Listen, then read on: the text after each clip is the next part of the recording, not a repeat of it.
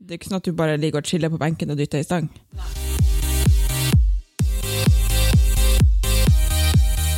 Hei, og velkommen til Styrkeløfterne, en newbie-podkast om gains. Hei, Marianne. Hallo, Stine. I dag skal vi snakke om benkpress. Yep. Hva er benkpress, Marianne? Hva er benkpress, Stine? Du som er guruen. Wikipedia, som er vår kilde til informasjon når det kommer til trening, sier at benkpress er en styrkeøvelse for brystmuskler, skuldre og armer. Øvelsen er regna som grunnleggende styrketreningsøvelse og blir i treningskretser bare omtalt som benk. Litt sånn Ja. sleng, treningssleng, da, vet du. Benken. Benken. Wikipedia sier også at benk utføres på følgende måte. Utøveren ligger på ryggen på en benk med stativ til vektstanga. Utøveren griper stanga noe bredere enn skulderbredde og løfter den opp på strake armer. Herfra starter serveløftet. Utøveren senker stanga kontrollert ned mot brystkassens øvre del og skyver den ned opp igjen på strake armer. Treningens mål avgjør om stangen senkes til berøring eller ikke. Det samme gjelder løfterytmen. Er vi enda på Wikipedia? Ja, vi er enda på Wikipedia. Syns de var flinkere på benken på knebøy. Ja.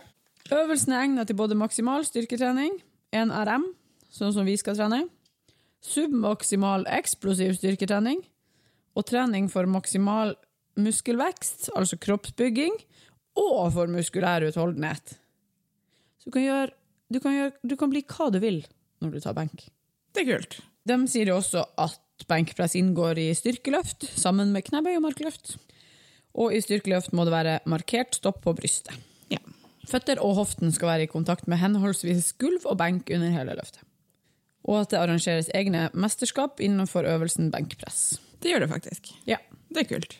Er det NM i knebøy og NM i markløft òg? Nei, Bare benk? Det er bare benken. Og det er jo litt spesielt, er det ikke det? Men jeg leste, Ja. jeg leste en plass på internett at eh, benken er liksom den store manndomsprøven. Ja, ja, du, altså når du trener, det er jo ikke en jævel som spør deg hva du hvor mye, tar, hvor mye vekt tar du på ryggen når du tar utfall? Alle spør jo hva tar du i benk. Ja. Når man er jenta, da, så sier man sånn Jeg tar 40. Og så er guttene sånn her. jeg tar 140 første gangen jeg prøvde. Ja, ja. Unnskyld, gutta. Nei, men alle spør jo, hvis du er gutt og trener, så blir du spurt om hva du tar i benk. ja. Sånn er det.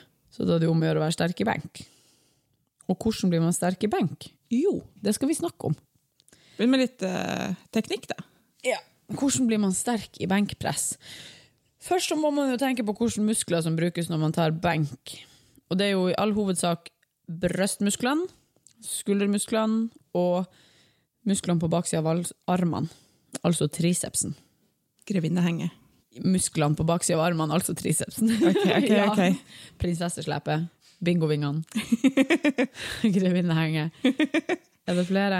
Kjært barn har veldig mange navn. Helt sikkert. Hvis du har et annet navn på, på det området på baksida av armene enn dem vi har sagt nå, så gjerne send oss en mail med den. Så kan vi lage en liste. Så det hjelper jo å bli sterk i de musklene der. Det viktigste er vel å ta benkpress. da. Ja, jeg skulle til å si, begynne der. Begynne med å ta benk. Og det er ingen skam å bare ta stanga. Nei, og det er ingen skam å måtte jobbe litt før, før man klarer å ta stanga òg. Det er jo 20 kilo. Det er ikke super uvanlig at jenter sliter med stanga, bare. Ikke sant? For vi jenter, er jo, vi jenter er vel tradisjonelt sterkere i underkropp. Ja, i forhold til kroppsvekt. Ja. Og mannfolkene i, i overkroppen. Men det er fordi de har genetisk Altså hvis man tar Hvis man generaliserer, Ja. det er viktig at man gjør det i sånne her tilfeller, så er, har eh, mannfolk Er det 17% mer muskulatur på overkroppen eh, enn det vi har, sånn i utgangspunktet. Så det er ikke rart at vi må jobbe litt hardere for å bli sterkere enn dem i benk. Hvordan blir du sterk i benkpress? Jo, du tar ganske mye benkpress. Hvordan kommer det da, hvis du er eh, for eksempel er en dame som ikke klarer å ta stanga? Mm. Hvordan klarer du da å bygge deg opp? Hva gjør du? Du kan gjøre brystpress med manualer, for eksempel, Mhm. til å starte med. Og det er akkurat samme bevegelsen, bare at du har en manual i hver hånd. Ja, og da kan du jo begynne, for de går jo ganske langt ned. Ja, da kan du begynne med én kilo i hver hånd. Ja. Eh, Det du kan også begynne med, er oppbygde armhevninger, hvis du ikke klarer armhevninger mot f.eks. en benk, eller en, at du bygger opp stanga i et stativ. Ja. Du kan begynne med bare sånne helt standard greier som å stå i planke, og bare bygge opp overkroppsstyrken litt til å tåle. Skulderpress med manualer, og lignende. Gode tilleggsøvelser for benkpress er armhevninger, brystpress, skrå brystpress, skrå benkpress, flies, både liggende og i kabel, tricepsgreier, Ulike varianter av tricepsøvelser. ulike varianter av tricepsøvelser. Det fins en million. Jeg vet egentlig ikke helt om det er noen som er bedre enn andre i akkurat det der. Det handler vel bare om å Gjør det. gjøre det. Ja. det er jo, jeg syns jo med de tricepsøvelsene vi har hatt, at det er noen som jeg kjenner bedre enn andre. Altså, som på en måte for min del tar mer enn andre. Ja, og det, men det tror jeg også er veldig individuelt. Ja. Jeg tror det er sånn at noen, noen kjenner Sånn som de der skull crushers og alt det der som vi gjør. At noen kjenner den type øvelser veldig godt, mens noen kjenner sånne pushdowns-øvelser Ja. veldig godt. Der du står i et stativ og liksom drar tauet ned og rett ut armene. Mm. Hovedclouet for tricepsøvelser er vel egentlig bare at du får strake albuer på et tidspunkt, for det er jo det tricepsen gjør, er jo liksom i avslutninga på benkpressen. Nå har vi sagt noen tilleggsøvelser til benkpress, men det som også er viktig å fokusere på, er at man trener ryggen, og kanskje spesielt øvre delen av ryggen og baksida av skulderbladene mye hvis man trener mye benk, så man ikke blir fremoverrotert eller får sånn muskelubalanser. Ha, derfor jeg føler at jeg har fått litt bedre holdning siden vi begynte. Helt sikkert. Vi gjør jo veldig mye sånn her band pull-aparts, mye ro, roøvelser og, og sånne ting. I oppvarminga til benkpressen så kan man jo legge inn sånne type øvelser. Vi gjør jo i oppvarminga så gjør jo vi litt utoverrotasjon med strikk, og litt band pull-apart, og sykt mye armhevninger. Ikke sykt mye, vi gjør 40, men det er to ganger 20, så det er jo mange. Og så gjør vi jo en del sånne mm, strikk... Dislocations. Ja, shoulder dislocation. Jeg googler og YouTuber og linker. Ja. Det er ikke så lett å forklare. Nei. Det handler om at man, man eh, Ja, drit det, det er ikke noe vits. Jeg legger med video, men det er vel for å varme opp eh, skuldrene litt. Og, Ja, for å varme opp skuldrene litt, og for å strekke ut på en måte framsida av kroppen litt. Mm. Men i tillegg så får du jo ganske god bevegelse, eller sånn blodstrømning i, i baksida av skuldrene og nakken og ryggen, øverste del av ryggen når du gjør sånne. Så den er god. Eh, og så må man jo, jeg føler i hvert fall sjøl at jeg må ha mange flere oppvarmingssett i benk enn jeg må i de andre øvelsene. ja. At det tar mye lengre tid for meg å komme opp på arbeidsvekt, og at det føles bra på arbeidsvekt. Ellers så vil jeg, ellers så hvis jeg går, hvis jeg hopper for fort med eh, oppvarmingssettene, så er bestandig de første arbeidssettene altfor tung. Føles altfor tung. Ja, ja. Mm, og da blir man nedsyka. Så mange, jeg føler at jeg må ha mye oppvarming for å bli varm i benken. Enig. Hvis jeg skal snakke litt om at, hva benkpressen gjør sånn rent på kroppen sitt utseende, så føler jeg sjøl at jeg har fått rå mye mer skuldermuskler Jeg òg. etter at jeg har begynt å trene masse benkpress. Og jeg har jo ikke muskler i armene. Du Så har det det- nå. Ja, jeg har det nå. Det er synlig òg. Ja, jeg bare føler at armene mine endelig begynner å svare, og det må jo være fordi at vi trener så mye benk. Yes! Grov grovhet. Eh, og det er jo sikkert fordi at, at eh, benkpress er en sånn baseøvelse, og det er jo Du får jo tynt deg sjøl ordentlig godt i den. Ja, ja, ja. Det er ikke sånn at du bare ligger og chiller på benken og dytter i stang. Nei. Ting som er typisk med benkpress, når man ser folk som konkurrerer i benkpress, en av dem er jo det at man ser at folk står i en svær bue. Ja. Skal du kanskje bare stille spørsmålene Jeg kan, jeg kan godt ta spørsmålene. Fordi kan da- begynne med den, da. Hvorfor i alle dager ser det ut som folk står i bru på benken? Det er flere årsaker. Den ene, det er det at man skaper et spenn i hele kroppen ved å stå sånn. At du får liksom brukt ryggmusklene og beinmusklene litt mer. Den andre er for, og kanskje hovedgrunnen, er for å lage mindre løftebane. Ja. Så når du, på en måte, jo høyere opp du får brystkassa, jo kortere vei trenger du å løfte stanga opp igjen. Eller kortere vei trenger du å senke den og løfte den. Så det er jo om å gjøre å få kortest mulig vei der, da. Det er vel ikke noen flere grunner til det? Oppspenn, Nei, det jo løftebane. Ja. Nå skal det jo sies at det er jo ikke alle som benker med sånn ekstrem brygge. Eller sånn bru. Ikke, jeg gjør ikke det. Nei. Det er òg noe som er litt sånn du, du er genet... Du må trene for å klare å stå sånn hvis du ikke er sånn fra, fra start av, holdt jeg på å si. Ja, det er vel noe mobilitet i det òg. Ja, og ryggmuskler. Sånn for å klare å liksom bøye deg sånn der. Så skal det jo sies òg at hvis man ikke skal konkurrere i, benk, eller i styrkeløft eller benkpress, så er det kanskje ikke nødvendig å ligge med verdens største bue. Nei. Men du klarer å løfte mer enn hvis du ligger flatt på benken. Hvis vi hadde for eksempel på mandag, eller på neste gang vi skal trene benk, hadde tatt fotene våre opp og ligget med dem i 90 grader for eksempel, og flat rygg på benken, så hadde vi mest sannsynlig ikke klart å, å løfte like mye. Nei. Fordi at da ville det vært bare bryst, skuldre og arm som jobba, og ikke på en måte like mye resten av kroppen. Du får ikke det samme trøkket. for vi kan jo bare gå rett videre på det til For det har jo litt sammenheng da med hva gjør du med fotene. Skal den bare hvile på bakken, eller bruker du den på noe? Det er ingenting som som skal hvile. Nei. Aldri skal noe hvile. Fleste ligger vel med fotene Altså, det er jo Hælene skal jo være i- Etter reglene så skal hælene og ræva være i Hælene i bakken, ræva i benken. Og så må du jo nesten ha skuldrene i benken, Ja. ellers så er du magisk. um, sånn at man, man eh, Kan man si krøller jo fotene litt under seg. Ja. Og så bruker man beina på en måte til å sparke og lage kroppen til en bue. Og så setter man rumpa nedi. Mm. ja. Der har jeg hørt en sånn cue på at du skal se for deg at du tar på deg slipperser, eksempel. At du skal ikke stampe dem nedi, men du skal, ha dem, altså, du skal sky, bruke dem til å skyve deg litt fra Skyve deg litt bakover. Ja, bakover. ja. Men det føler jeg litt at skjer automatisk, kanskje. Men ja, Jo, men, det var et men godt cue. det, det hjalp meg litt i forhold til Ja, at du ikke tenker liksom rett ned i bakken, Nei, men, men du tenker litt bort. at de skal hjelpe til å drive. Ja, det var et godt ku. Det har ikke jeg tenkt på. Jeg føler egentlig litt at jeg gjør det av meg sjøl, fordi at man blir liggende. Mhm. ja. Vi tar med alle de tingene som man ikke tenker på. Ja, det er viktig. Ja, det er rett. Ja, og man har dem jo der i, i sånn oppspenn. Det er jo for å skape kraft. Ja. For å få trykka til. Man ser jo også at folk på en måte skrur fotene på samme måte som på knebøy og markløft. At man på en måte skrur seg litt fast i, i gulvet. Ja. Next.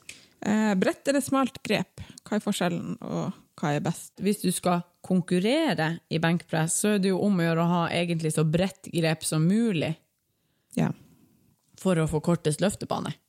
Og da var det 81 cm mellom pekefingrene er det som er den tillatte bredda.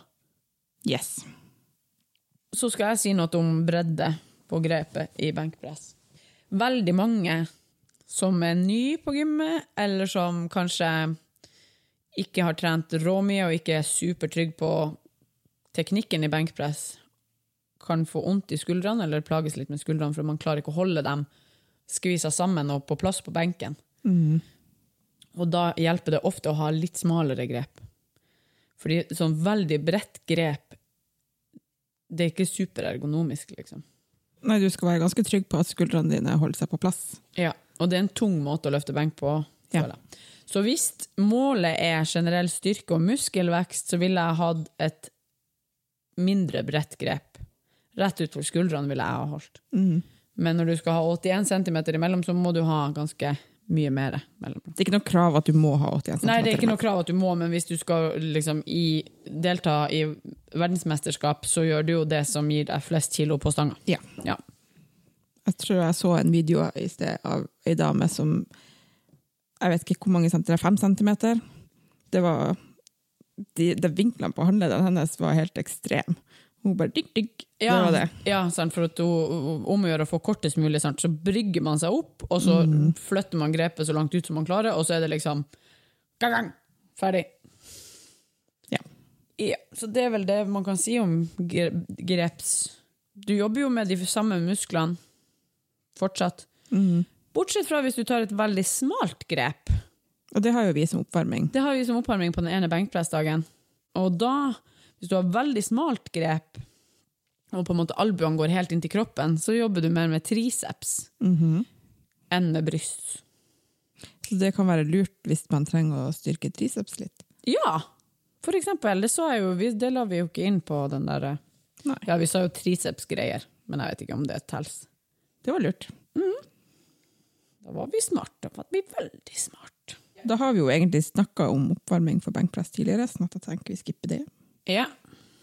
Og øh, og vi har jo også snakka om vektstang versus manualer, egentlig. Eller at du bruker manualene til å bygge det opp til. Og det er også hvis man har, hvis man litt, hvis man har lett for å få litt vondt i skuldrene, altså kan benkpress med manualer være bedre for deg enn benkpress med stang. Okay. For at du får lov til å bevege deg litt mer, liksom, Litt friere. litt friere i din egen løftebane. Mm. Men, men eh, skal du konkurrere, så må du jo løfte med stang uansett. Det er jo ikke sånn at du får lov til å komme med dine egne hjemmesnekra manualer på 70 kilo i hver hånd. Nei. Ingen hjemmesnekra manualer. OK, Um. skal vi snakke om eh, norgesrekordene i benkpress? Ja. Er du klar for å føle deg svak? Vi begynner med 47-kilosklassen. Pernille Stenberg. 77,5 kilo. 47 kilo. Hun har gått over til eh, crossfit nå. Ah, ja. Ja, følg henne på Instagram. Ganske bøs. Hun eh, gikk ned Altså, hun jobba steinhardt, for denne rekorden er tatt i 2017. Hun jobba steinhardt for å komme seg i den der eh, vektklassen. Ja. ja. Videre til 52, minus 52 kilo. Det er hun Karen Hesthammer. Tok hun nettopp forrige helg ny. Ja, gjorde ikke hun det? Ja, det her er den gamle, for den her er fra 2017. Den er på 88 kilo. Det er mye. Vi har 52 kilo. Det er helt vilt. Det er helt vilt. Eh, så kommer vi til 57-kilosklassen. Hilde Mikkelsen Haugen. Også tatt i 2017. 90 kilo. Så kommer vi til 63-kilosklassen. Elise Rosenborg. 100 kilo. 100 kilo. Det må vi huske på at Den er tatt i 2018, og det her er norgesrekord. rekord. Så man må vite hva man sammenligner seg med. Så vi skal ikke begynne å være hard mot oss sjøl enda. Ikke før vi kommer til vår egen vektklasse, i hvert fall. Nei. 72-kilosklassen, altså min. 125 kilo! What in the fuck? Maria Letnes, 125 kilo. Godt jobba. Godt jobba. Ja, det Virkelig. Ja, det er sykehus. Minus 84-kilosklassen, Celine Solstad Halleland, 117 kilo. Så her går det ned. Fordi jeg hadde 125. Ja da. Ja. Men Og- allikevel. Og pluss 84, Eva Engskar med 117,5. Men Hvorfor er i helsike er denne 72-kilosklassen så psyko god å ta benkpress? Hvem vet? Men hei! Lå godt for meg. Bra for deg! Ja, det er jo noen sterke damer i Norge, altså. Det er det. Dæven, så kult! Ja, og med det skal vi snakke om oss sjøl etter de der norgesrekordene. Ja. Vi, Ja. ja. Eller hadde du noe å tillegge? Nei, det har ingenting å tillegge, men vi kan jo ta Vi har jo fått et spørsmål. Å ja, vi har jo fått spørsmål! Hear it! OK. Uh, det, det, var, Sett fra deg shaken shakeren når du skal, Ja. skal svare. Ja.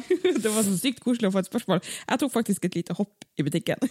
Når jeg så det det. var, ble, var, jeg kom i går. Nei? Nei, det var forrige gang vi så Birgitte. Å ja, ja, på mandag. Og så kom hun Marianne sånn sprettende mot meg i døra. 'Vi har fått et spørsmål!' Og bare yeah! Artig. Veldig artig. Veldig artig. Jeg vet ikke, Skal jeg lese hele greia, eller skal vi bare ta spørsmålet? Vi fikk en sykt koselig tilbakemelding. Ja, Ja. det gjorde vi. Det var sykt hyggelig. Veldig, veldig hyggelig. Ja. Kjør spørsmål. Ja. Eh, så Iselin lurer på om vi regner med stanga når vi snakker om hvor mange kilo vi løfter eller eh, har på eller tar av. Ja. Man regner alltid stanga med. Og når det kommer til styrkeløft, så er stanga alltid 20 kilo. Og så man, måte, snakker man om de vektene, altså det hele totalt. Så hvis du har 20 kilo stang, og så tar du 10 kilo på hver side, så er det 40 kilo. Ja. Jeg står alltid og regner i hodet mitt når vi holder på. Matte, Ja, matte, I hvert fall når vi må dele. Når vi gjør benk, så deler vi stang, og da er det jo litt sånn bytting, for Marianne tar jo mer enn meg. Så noen ganger så ser det ut som et lite sånn forskningssenter der, mens vi holder på med masse forskjellige skiver som ligger, og de her bitte små og store. og Ja. Så det er litt matematikk i det. Ja. Så vi får trimma hjerneceller nå. Og det er jo fint. Og det er fint. Kombinert trening. Det som man kan regne med alltid når folk snakker om hvor mye vekt de tar, er at det stanga er inkludert. Fordi at Det er jo 20 kilo, tross alt. Ja, og så er det litt sånn Det er kanskje ikke logisk hvis man ikke, er, ikke har trent veldig mye, men hvis, du tar, hvis noen spør deg hva du tar i markløft, så sier du 100 kilo, så vil du jo ikke ha sagt jeg tar 80 kilo. Altså, du, det er jo det du løfter du skal svare på. Og du løfter jo stanga òg. Du løfter jo stanga òg. Den er ikke gratis, for å si det sånn. Nope. Det er jo derfor vi, altså, I forhold til benkpressen, så når du tar bare og nå har jeg sånne gåsetegn, bare stanga, så er det jo 20 kilo. Ja. Og det, det er nok for mange, det. Det er nok for mange. En annen ting, kom, bare sånn for å si noe om det her med, med å løfte i gåstein bare stanga eller å bare klare stanga Hvis du skal absolutt ta ti repetisjoner, så kan det godt hende at den stanga er altfor tung. Mm. Men enn hvis du begynner med å bare ta to repetisjoner? Sant? Kanskje Ja. du klarer to repetisjoner med stanga, og så klarer du neste uke tre ganger tre, og neste uke tre ganger fire. Man bygger seg litt opp på den måten, at man ikke tror at man må klare ti repetisjoner av alt man gjør. Bestandig. Det er lov med litt færre repetisjoner, spesielt på sånne her store øvelser, som benkpress, Mhm. markløft, knebøy. Vi har jo i programmet vårt aldri mer enn seks. Nei, vi har hatt noen åtte, da. Det har vi. Ja, men sjelden. Det er jo på de, på de på lettere settene som Ja, kommer etter Ja, backoff-settene etter toppsettene våre. Kan Sånn godt at, eh. Når det kommer til, eh, til eh, baseøvelser, så er det lov å ha færre repetisjoner. Mm. Ja, skal vi snakke om treningsuka som har gått? Nei. Nei. Jo, jo, for så vidt. Men vi kan, vi kan jo først ta Hvordan har det gått med ditt lille rydde kjøkkenet-prosjekt? 45% suksess. Kanskje det har vært Ja, 45% av dagene har jeg klart å rydde i kjøkkenet og stua. Så bra. Og noen dager har jeg klart å bare rydde én av dem. Og noen dager har jeg spist borte, så det har ikke vært noe problem. jo da, det, det blir jo bedre, men det er jo annerledes nå, for nå er jo han Anders eh, reist på jobb, og jeg er alene. Og da er det ikke én like fristende som ligger lenge på sofaen, to ikke like mye matlaging. Nei. Nei, fordi jeg er lat på det. Men det skal være bedre på denne perioden, har jeg som mål. Altså å lage mer middag og sånt til meg sjøl. Det er jo kjedelig å lage mat alene. Ja, men når man er i lag med en som jobber tre Altså jobber turnus tre uker på, tre uker av, så kan det på en måte ikke være en unnskyldning. Mat må man ha. Det er livet ditt. Ja, det er liksom sånn livet mitt er blitt. Så da må det bare være Da må jeg tilpasse meg etter det. Tenker jeg. I tillegg så er jeg jo fett bortskjemt når han er hjemme, for han lager jo mat nesten hver dag da. Sånn at det skulle jo bare mangle at jeg klarer å lage mat til meg sjøl i tre uker. Og Ja. det er jo strengt tatt bare halvparten av de dagene jeg trenger å lage mat til meg sjøl, fordi det er jo alltid to porsjoner når man lager mat. Det Og så spiser jeg jo ofte lam med noen andre når jeg, de ukene jeg er alene. Så altså, at jeg skal klare å lage middag til meg sjøl ti ganger i løpet av tre uker, det, det må være forventa, føler jeg. Jeg må skjerpe trynet mitt. det blir, når man begynner å tenke over det sånn der, så blir det jo helt idiotisk å sitte og si sånn «Å, Det er kjedelig å lage mat til bare én. Ti ganger. Tull. ja, ja. Ja, Marianne, hvordan har treningsuka di vært? Jeg vil òg fortelle om prosjektet mitt. Å ja, herregud, ja, hvordan har prosjektet ditt gått? Jeg har 100 suksess. Det Jeg har- meg så bra. Lagt bort telefonen Ja. på kvelden. Jeg har skrudd på vekkerklokka, og så har jeg da tatt den siste sånn på Instagram. Det, men den teller ikke, for det er sånn jeg legger den bort, og så leser jeg. Jeg har faktisk lest ferdig ei bok som har ligget på nattbordet dødslenge. Og begynt på en ny en. flink. Og begynt på en ny en. Å, Det gjorde jeg klokka halv tre i natt, så Ja, jeg vet ikke. Jeg tror jeg skal begynne det kapitlet på nytt igjen. kanskje. kanskje. Så bra, Marianne. Føler du at du sover bedre? Mere? Ja. Ja, Ja. suksess. Suksess. 100 Faen heller, jeg følte meg som en taper nå. Ja, ja. Det er bare én ting å gjøre, bli bedre neste uke. Ja. Vi, kanskje vi må ha Skal vi fortsette med det her, eller vil du ha, legge til noe nytt? Jeg vil ikke legge til noe nytt, jeg får jo åpenbart ikke til det her. Så jeg må begynne med det. En uke til på ryddeprosjekt. Ja. Det blir bra. Ja. Jeg tenker at Vi må sikkert ha mye mer enn en uke uansett for at det skal bli en vane, som vi om. Så Ja. eh, vi kan jo bare dure på. ei uke er på en måte ikke Det kan ikke være nok. Det kan ikke være ferdig da. Nei, altså ut ifra det, det vi snakka om forrige podkast med rutiner og vaner, så tar det jo syv uker. Ja. Ti uker. Syv dager i hver uke. 66 dager. Mm. Det er til jul, det. Ja. Så til jul er du dødsgod på å rydde. Ja. Vi håper det. Herregud, det hadde vært sykt digg. OK, nå kan vi snakke om treningsuka. Nå kan vi snakke om treningsuka. Skal vi snakke om deg først? Siden jeg er en katastrofe i denne uka. Ja, jeg syns jo egentlig at eh, det har jo vært litt deilig med en sånn deload-uke, men samtidig litt kjedelig. Enig, enig. Jeg er litt sånn Jeg er jævlig glad for at den kom nå, men Ja. det er litt kjedelig. Den passer jo perfekt i forhold til deg, men Ja. litt sånn uh, Litt kjedelig å ikke kunne liksom hake av. Fikk ikke lov å øke på noe. Ingenting. Nei, tok av vekt på hovedsettene og, og skulle ikke gjøre Altså, det har ikke blitt gjort noe spennende denne uka. Nei. Og det er noe med det der å på en måte vite at du ikke skal pushe, eller du skal Mm. ikke bli noe bedre. Selv om det her på sikt gjør oss jo bedre. Ja.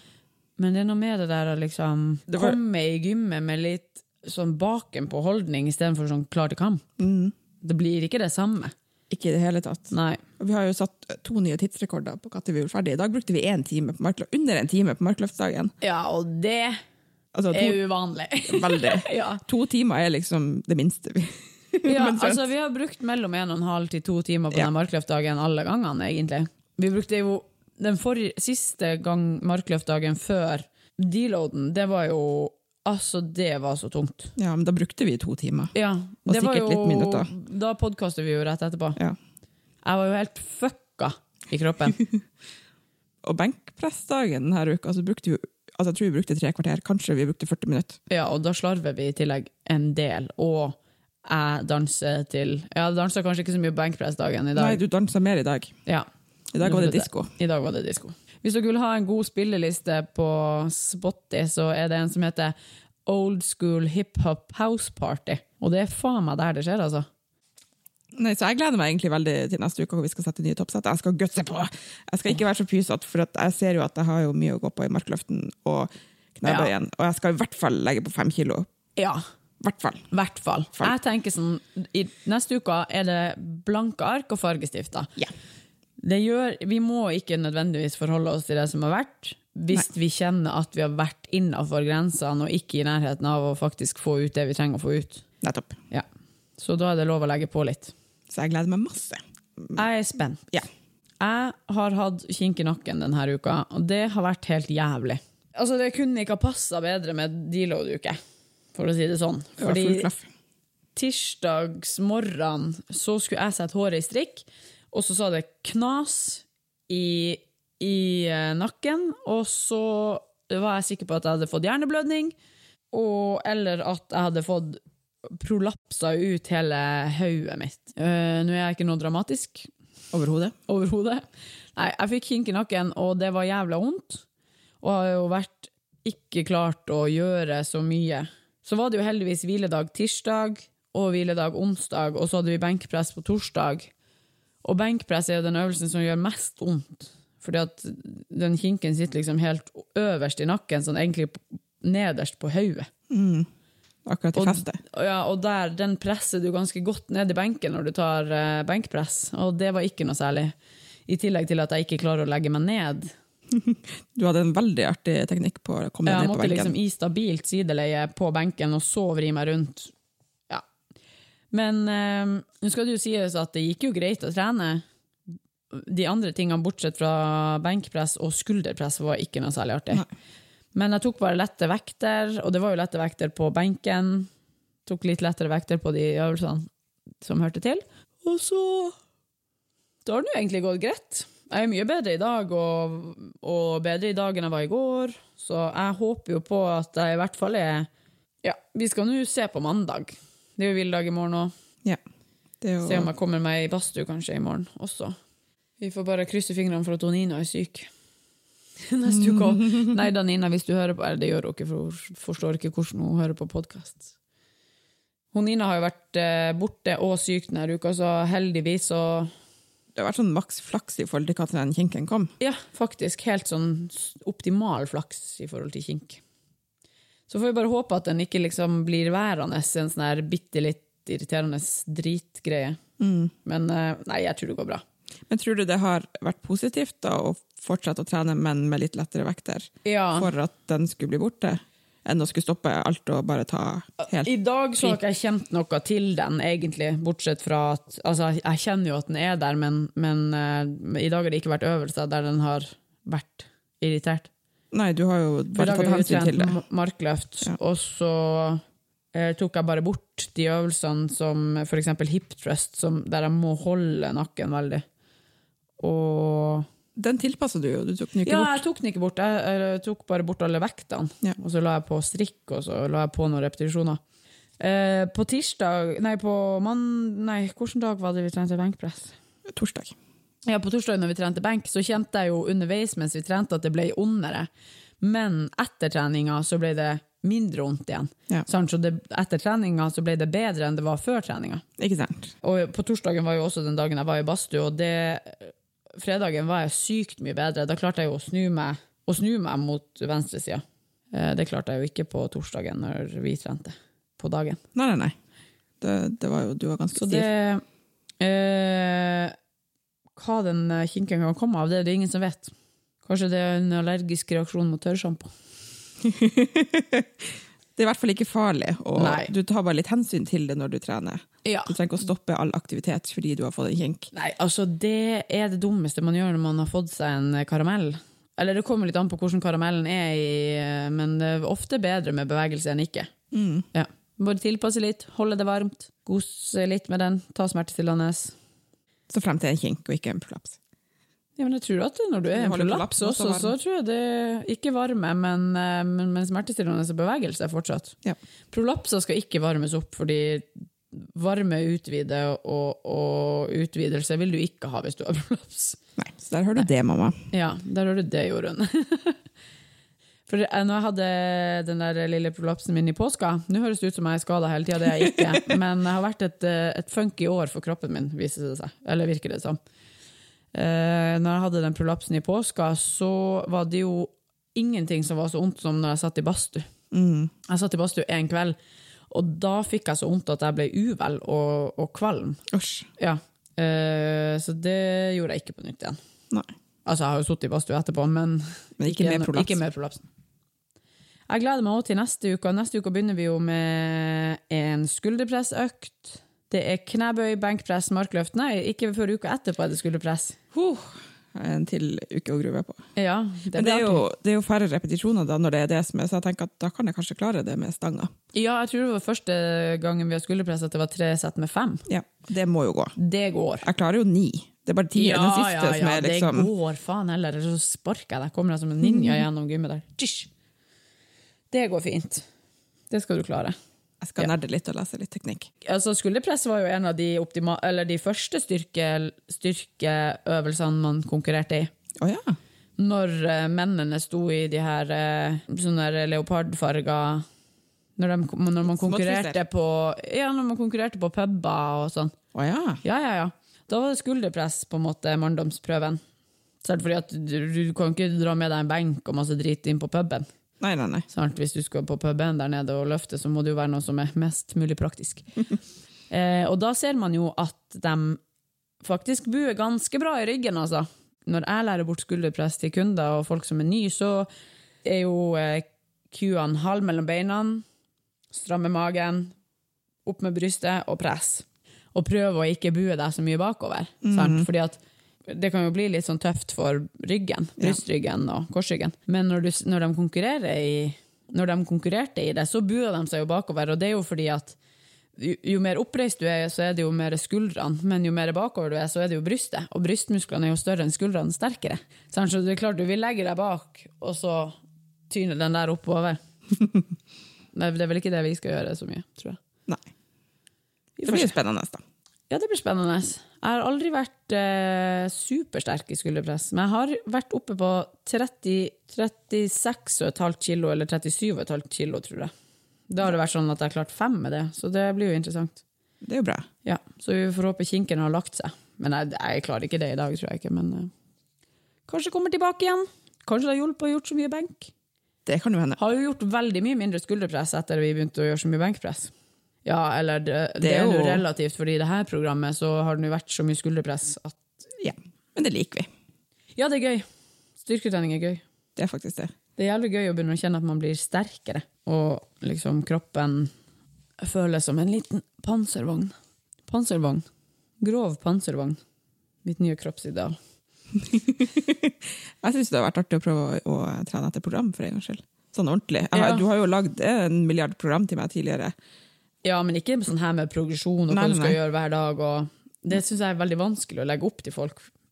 Selv om det her programmet ville jo ikke vært så jævla vanskelig å designe. Ja, det er gøy.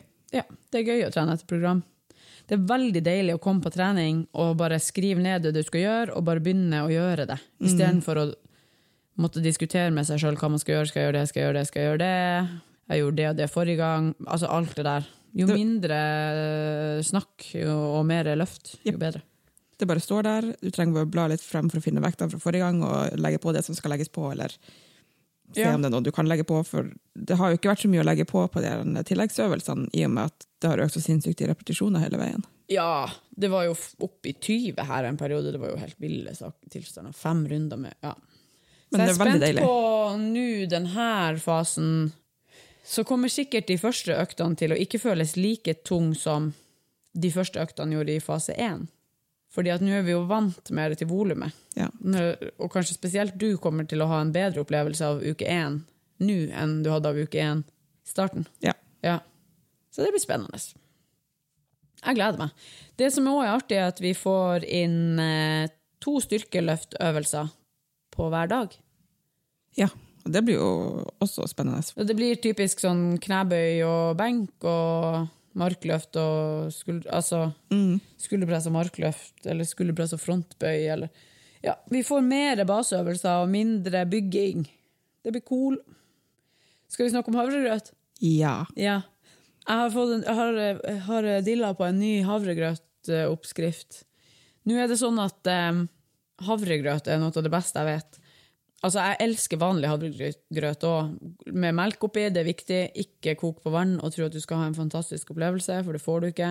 Og jeg bruker 50-50 vann. Ja, jeg bruker også 55. Eller ja, Vannmelk. Nå skal jeg ta det fra starten av hvordan jeg gjør det. Gjør det. Ja, fordi jeg er nøye på havregrøtkoking, samtidig som jeg er en lasaron. Jeg måler opp bestemt mengde havregryn. Det varierer fra 40 til 120 gram, alt ettersom hvilken dag det er, og hva, hvor sulten jeg er. Og så tar jeg vann, masse vann. Jeg har ikke de der lettkokte drittgrynene. Jeg har sånne vanlige, store havregryn. Blir bedre grøt av det. Så tar jeg oppi masse vann og litt salt. Paste det i mikroen, og alt ettersom hvordan mikroen din fungerer, fra tre minutter til fire minutter. Sånn at den får ligge og boble der inne. Passe på så den ikke koker over, for det ødelegger dagen din. Min i hvert fall. Og så lar jeg den koke inni denne mikroen til at det på en måte er Mesteparten av vannet er borte. At den, ikke, den skal ikke være suppa, men den skal heller ikke være helt tørr. Så tar jeg melk oppi og rører i.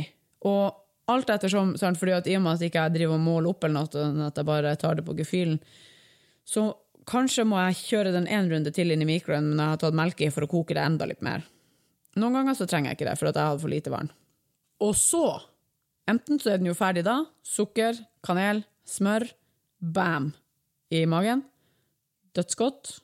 Jeg vet at det finnes folk som har rosiner oppi. Jeg er ikke en av dem. Ikke jeg heller. Jeg har eple. Ja, eple er godt. Eple er nydelig. Ja. Men la meg bare si deg én ting. Hvis du har vaniljeproteinpulver, og så eplebiter oppi, med kanel oppå, sant? da snakker vi jo at da har du jo ei kake. Fordi nøkkelen til spennende havregrøt, det er proteinpulver. Nå er jeg ikke sponsa av noen. det er ingen som har betalt meg for å si det. Eh, akkurat nå sitter jo både jeg og Marianne og drikker en shake, men i ærlighetens navn så bare, drikker jeg bare shake når jeg er lat. Og for at det, det smaker jo godt med de her nye, men det jeg bruker proteinpulver mest til, det er jo å smaksette havregrøt eller pannekaker og lignende. Ja, sånne ting.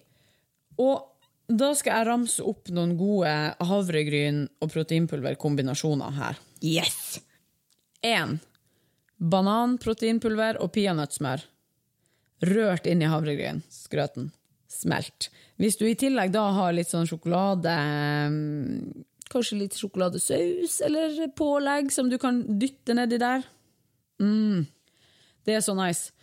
Eh, en annen sjokoladeprotein oppi grøten, og istedenfor smørøye så har du peanøttsmør.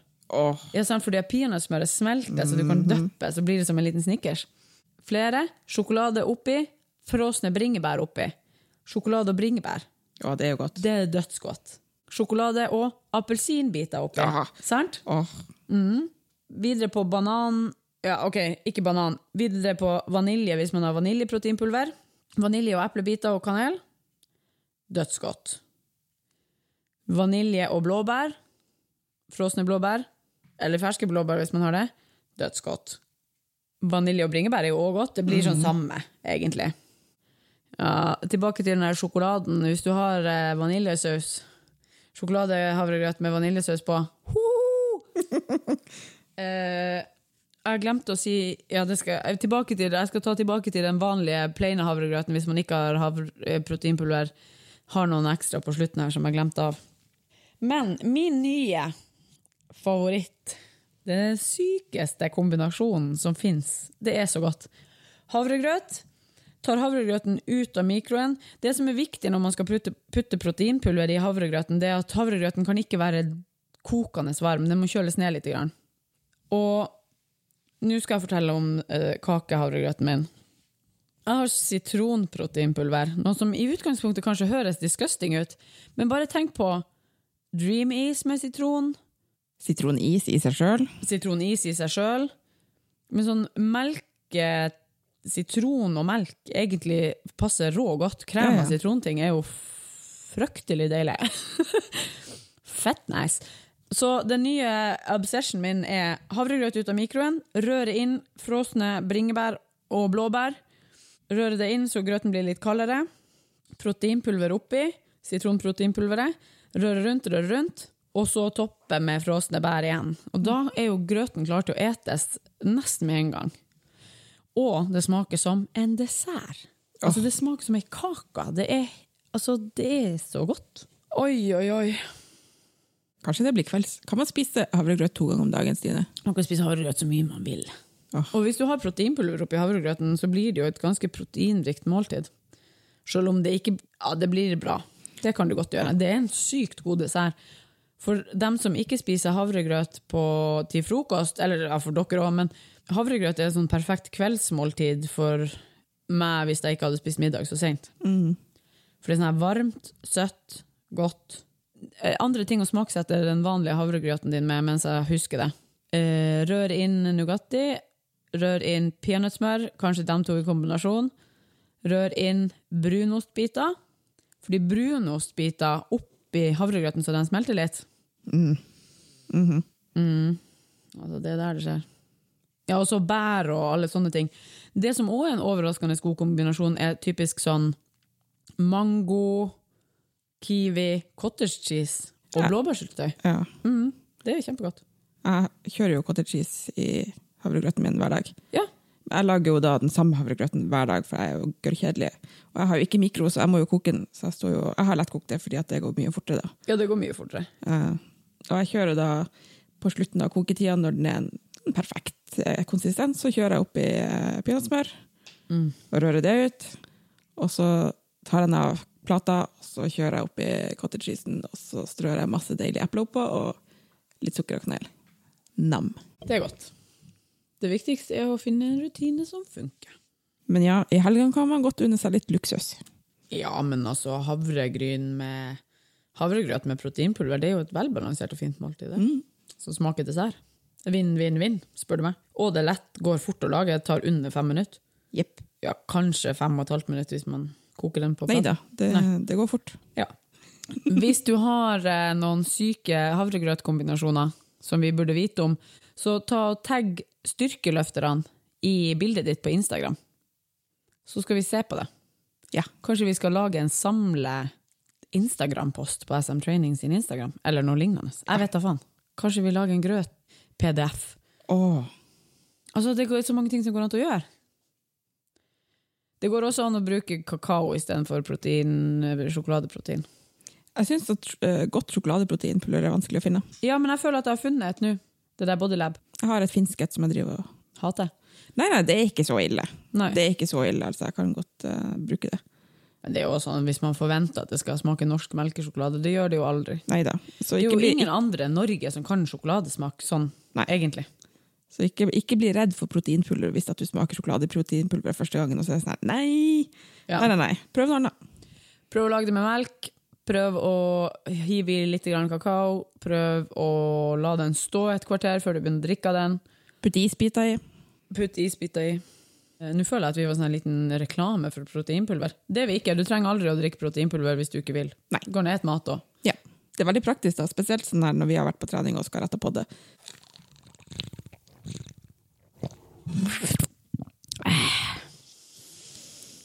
Har vi noe mer å si?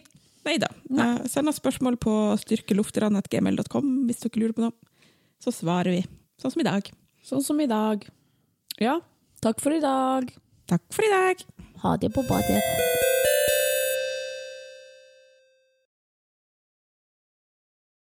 elsker at du vasker det skjetne trynet ditt på putene dine. Dette er grunnen til at ikke vi kan ha fine ting. Åh, faen, du er så søt. Jeg har lyst til å spenne deg i kjeften. Han er så søt. Samtidig som du er så sykt provoserende.